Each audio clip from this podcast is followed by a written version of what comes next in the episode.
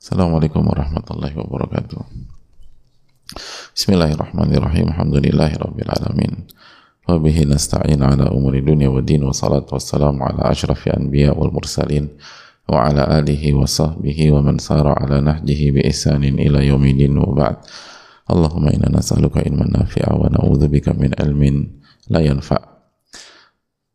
Alhamdulillah alladzi bi ni'mati tatimmus salihat segala puji bagi Allah yang dengannya amal ibadah bisa dilaksanakan dan bisa disempurnakan. Kita bersyukur kepada Allah tabaraka wa ta'ala atas berbagai macam kenikmatan yang Allah berikan kepada kita. Nikmat iman nikmat Islam nikmat umur nikmat waktu nikmat aman nikmat kesempatan beribadah yang enggak Allah berikan kepada setiap pihak dan Allah akan tanya pada hari kiamat kelak yawma idzin 'anil na'im. Dan kalian pasti akan ditanya tentang nikmat-nikmat yang Allah berikan kepada kita. Allah juga berfirman ayah sabul insanu an yutruka sudah apakah manusia berpikir mereka akan ditinggalkan begitu saja pada hari kiamat kelak? Apakah manusia berpikir mereka nggak dihisap Apakah manusia berpikir mereka nggak diminta pertanggungjawaban?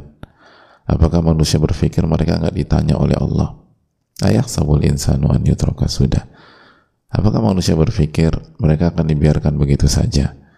Suka-suka mengikuti apa yang diinginkan, melanggar, mengikuti hawa nafsu, berbuat zolim, lalu dibiarkan begitu saja, nggak diapa-apain, nggak diminta pertanggungjawaban nggak diancam. Sesuai dengan kesalahan dan kemaha bijakan Allah wa ta'ala. Ayah sabul insanu an yutroka sudah. Apakah manusia berpikir mereka bebas melakukan itu semua lalu ditinggalkan begitu saja? Itu sebuah uh, asumsi yang keliru. Semua akan ditanya dan semua akan mempertanggungjawabkan semua diminta menjelaskan apa yang dia lakukan selama ini di kehidupan dunia. Maka mintalah selalu taufik dari Allah Subhanahu wa taala agar kita bisa menjelaskan apa yang kita lakukan. Dan Allah terima penjelasan kita. Dan kita dimudahkan dalam hisab. Dan dimasukkan ke dalam surganya. Amin. Ya rabbal alamin. Hadirin Allah muliakan. Dan semoga Allah menjaga kita semua Allah menjaga keluarga kita, menjaga orang-orang yang kita cintai.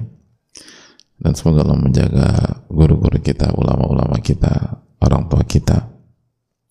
Semoga Allah menjaga seluruh kaum muslimin di mana pun berada, khususnya di tempat-tempat atau di belahan dunia yang sedang tidak kondusif, khususnya yang terzolimi, teraniaya di Palestina, dan di berbagai macam tempat lainnya. Semoga Allah menolong mereka dari seluruh pihak yang ingin mencelakakan dan menyakiti mereka. Dan semoga Allah SWT memberikan pertolongannya. Fa innahu wal karena Allah maha mampu melakukan itu semua. Dan Allah yang melindungi orang-orang yang beriman. Dan jangan, jangan lupa untuk senantiasa mendoakan diri kita dan saudara-saudara kita. Karena itu salah satu tanda keimanan dan bentuk kejujuran kita kepada Allah Subhanahu wa taala. Khususnya mendoakan ketika yang didoakan itu tidak tahu bahwa kita mendoakannya. Bukankah Nabi SAW mengatakan bahwa apabila kita mendoakan saudara kita dan dia tidak tahu kita doakan, maka malaikat mengatakan dan berdoa walaka bimithli engkau pun akan mendapatkan hal yang yang serupa. Maka sekali lagi doakan saudara kita khususnya yang sedang tertindas, yang ter, sedang terdolimi, yang sedang teraniaya. Semoga Allah menolong mereka semua dan semoga Allah menjaga dan semoga yang wafat mendapatkan husnul khatimah. Amin ya rabbal alamin. Hadirin Allah muliakan uh, kembali kita bersama uh, Riyadus Salihin dan kita masih membahas bab yang sangat berkaitan erat dengan hak Rasulullah Sallallahu Alaihi Wasallam. bab yang tidak bisa dipisahkan dengan kecintaan seorang umat kepada nabinya sallallahu alaihi wasallam. Karena sebagaimana telah kita jelaskan, mencintai keluarga Rasulullah SAW itu salah satu bentuk mencintai Rasulullah Alaihi Wasallam. Maka di sinilah Imam Nawawi rahimahullah dengan jelinya memasukkan bab ini berbicara tentang keluarga tidak bisa dipisahkan dengan keluarga Rasulullah Sallallahu Alaihi Wasallam dan kita akan uh, melanjutkan pembahasan kita tentang kesimpulan akidah atau keyakinan seorang muslim keyakinan ahlu sunnah wal jamaah terhadap keluarga Rasulullah Sallallahu Alaihi Wasallam dalam uh, dalam mengamalkan dan merealisasikan wasiat Rasulullah SAW di Khum. Kata beliau SAW udhakirukumullah fi ahli baiti. Udhakirukumullah fi ahli baiti. Aku ingatkan kalian untuk senantiasa bertakwa kepada Allah dalam menyikapi keluargaku aku ingatkan kalian untuk senantiasa bertakwa kepada Allah dalam menyikapi keluargaku dan itu adalah wasiat dari Rasulullah Sallallahu Alaihi Wasallam yang harus kita uh, ingat terus dan harus kita uh, camkan karena wasiat ini disampaikan menjelang wafatnya beliau Sallallahu Alaihi Wasallam. Hadirin Allah muliakan. Selanjutnya para ulama kita mengatakan dalam buku-buku akidah wa ahlu sunnah wal jamaah hum as'adun nasi haddan fil akhdhi bi wasiyatihi sallallahu alaihi wasallam wa riayati haqqihim dan ahlu sunnah wal jamaah adalah artinya seorang muslim ya yang mengikuti sunnah Nabi wasallam itu maksudnya dan selalu menjaga dan berusaha menjaga persatuan umat ahlu sunnah wal jamaah adalah orang-orang yang paling bahagia dan yang paling banyak mengambil bagian dalam mengamalkan wasiat Rasulullah SAW untuk bersikap dan memuliakan keluarga beliau. Jadi sekali lagi ahlu sunnah wal jamaah seorang muslim yang berpegang teguh dengan sunnah Rasulullah SAW dan sunnah artinya jalannya Nabi SAW konsepnya Nabi SAW metodenya Nabi SAW jalan hidup beliau way of life-nya beliau SAW adalah orang-orang yang paling paling bahagia, paling semangat, paling banyak mengambil bagian dalam merealisasikan wasiat Rasulullah SAW agar memuliakan keluarga beliau. Wari'ayah haqqihim. Jadi wari'ayati haqqihim. Dan paling mengambil bagian dalam menjaga hak-hak keluarga beliau. Alaihi salatu wassalam. Alaihi salatu wassalam. Jadi hadirin Allah muliakan. Itu adalah uh, sebuah prinsip ahlu sunnah wal jamaah. Dan mereka lakukan itu dengan totalitas dan dengan bahagia. Jadi berusaha mengambil bagian sebanyak-banyaknya dalam memuliakan keluarga Rasulullah Sallallahu Alaihi Wasallam. Dan bahagia gitu senang. Lalu uh, kita lanjutkan wa yajibu 'alal muslim an yatawala azwaj Rasulillah SAW ummahat al-mu'minin radhiyallahu taala anhunna. Dan wajib bagi setiap muslim untuk uh, loyal melindungi istri-istri Rasulullah wasallam dan istri-istri beliau adalah ibu kita. Dan istri Nabi, Nabi kita SAW adalah ibu kita. Sebagaimana yang uh, kita sudah jelaskan. Wa azwajuhu ummahatuhum. Allah SWT berfirman dan istri-istri Nabi kita SAW adalah ibunya orang-orang ber, beriman ibunya orang-orang beriman.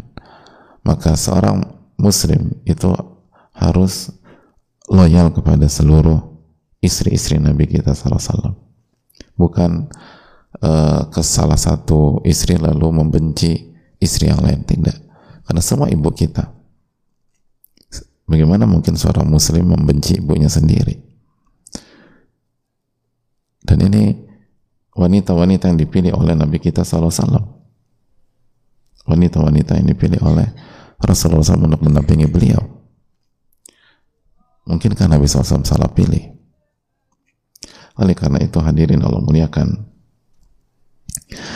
uh, itu adalah keyakinan setiap muslim. Keyakinan seorang setiap muslim yang harus di, ditanamkan di dalam uh, dada-dada uh, kita dan hadirin yang semoga Allah muliakan bahwa uh, ini salah satu bentuk memuliakan keluarga Nabi SAW karena istri-istri beliau alaihissalatu wassalam termasuk ahlul bait dan menjadi bagian dari keluarga Rasulullah Wasallam. Makanya ketika Allah Subhanahu Wa Taala sekali lagi membicara uh, menyampaikan hak Rasulullah SAW dalam uh, surat Al-Ahzab ayat 6 tersebut yang sudah kita bahas.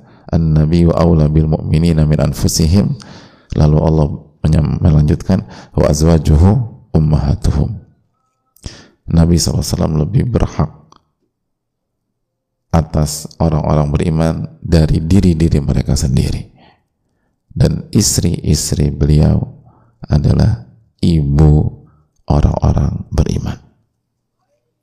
Adalah ibu orang beriman.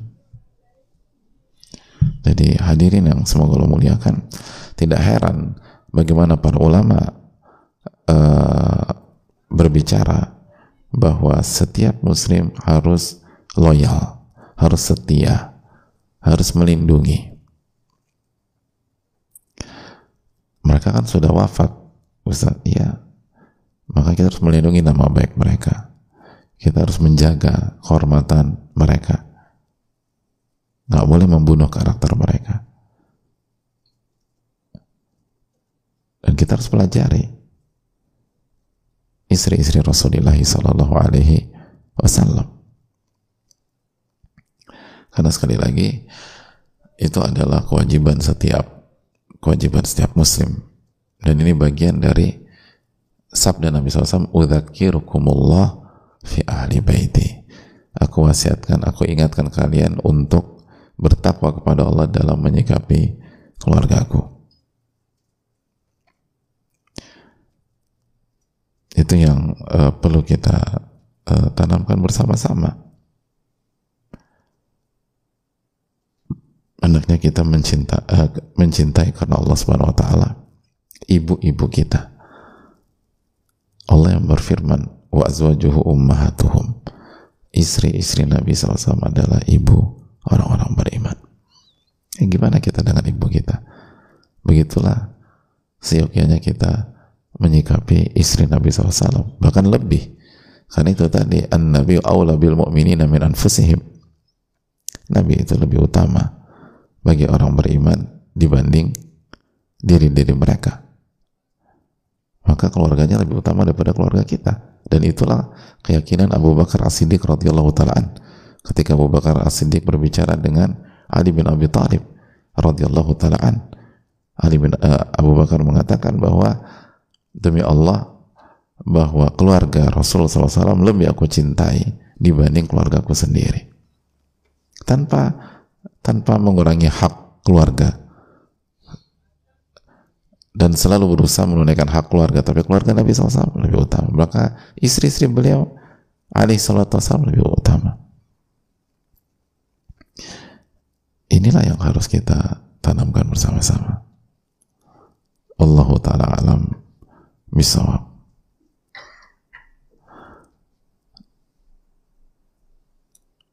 lalu hadirin Allah muliakan setelah uh, itu ulama melanjutkan wa ya'taqidu aidan anna man lam yukrimhu Allahu wa yahdihi lil imani wal islam min ahlil bait. Dan seorang muslim juga meyakini barang siapa yang Allah tidak berikan hidayah dan tidak muliakan menjadi seorang mukmin atau masuk Islam dari keluarga Nabi SAW nasab misalnya Banu Hashim kan nggak semuanya. Apa nggak semuanya uh, memeluk agama Islam atau Bani Muttalib nanti kita habis ini kita akan singgung siapa saja secara spesifik uh, yang dimaksud alul bait. Fala yufiduhu syarafun nasab syai'an. Maka uh, kedudukan nasab mereka itu tidak bermanfaat sama sekali wala tajuzu mu'alatuhu wa mahabbatuh. Maka tidak bisa uh, dicintai karena Allah Subhanahu wa taala dan uh, bersama mereka.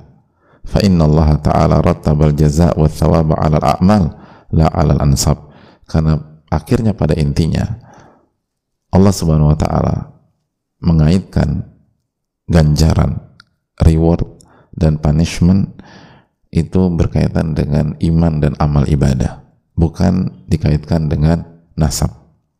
Pada akhirnya akan ke sana. Gitu. Ya, makanya uh, Abu Lahab walaupun itu paman Nabi SAW masih bagian keluarga Nabi SAW itu Allah firmankan langsung tabbat yada abi lahabi wa tabba.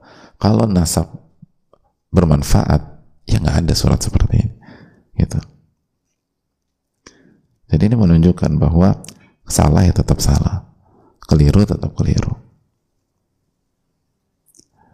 Makanya itu kata Nabi SAW lau kanat Fatimah bintu Muhammadin sarakat laqata'tu yadaha. Kalau Fatimah anaknya Muhammad anak saya mencuri saya nggak akan langsung menghukumnya. Kalau seorang lain saya akan langsung menghukumnya jadi sekali lagi bagaimana ulama mendidik kita untuk memadukan antara lagi-lagi kesetiaan lalu uh, loyalitas kecintaan dengan objektivitas gitu loh. Dengan objektivitas. Makanya itu yang dikatakan oleh para ulama kita. Barang siapa yang nggak beriman ya tidak masuk poin ini.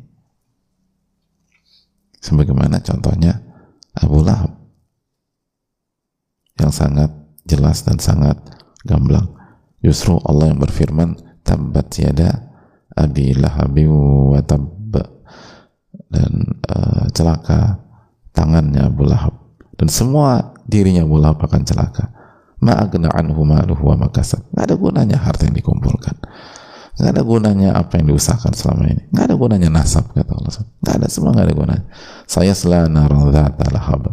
Dia akan masuk ke neraka yang menyala-nyala jadi nggak nggak statusnya, hubungan darahnya, kartanya, semua yang diupayakan, nggak ada gunanya kata Allah Subhanahu Wa. Jadi ini pelajaran besar bagi kita.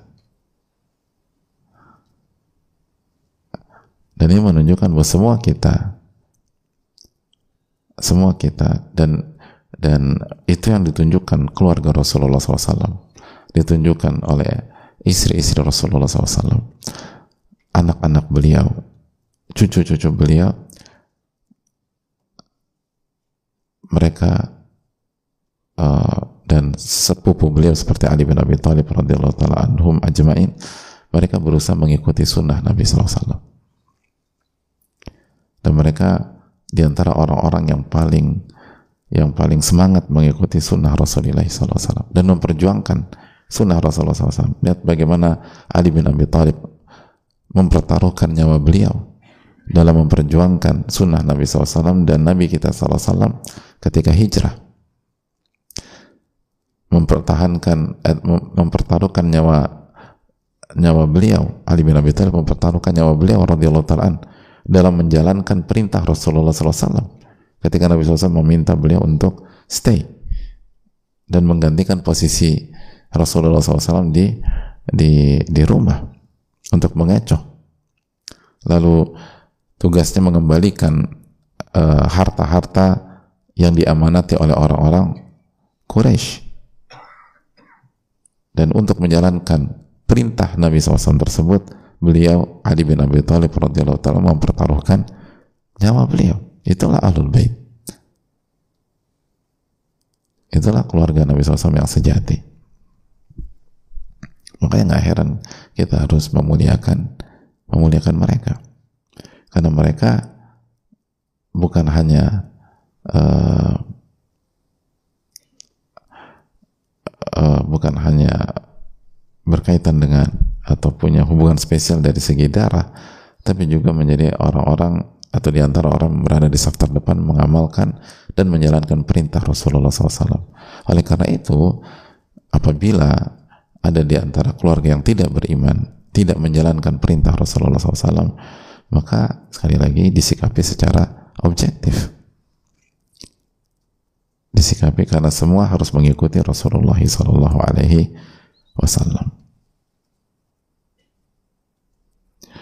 Dan itu yang di, apa, disampaikan oleh para ulama kita di dalam buku-buku mereka. Allah taala alam bisawab. Saya rasa cukup sampai di sini.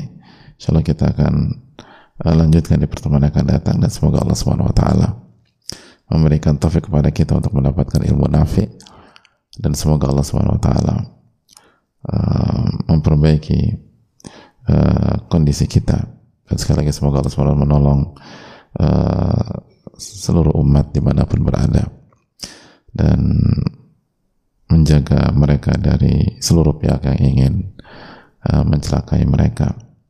Dan semoga Allah swt uh, memberikan kita kebahagiaan dunia akhirat. Allahumma salli wa sallim wa barik wa anim ala nabiyina Muhammadin wa ala alihi wa sahbihi ajma'in. Subhanakallah nuksyadu la ilaha illa anta astaghfiruka wa atubu ilaik.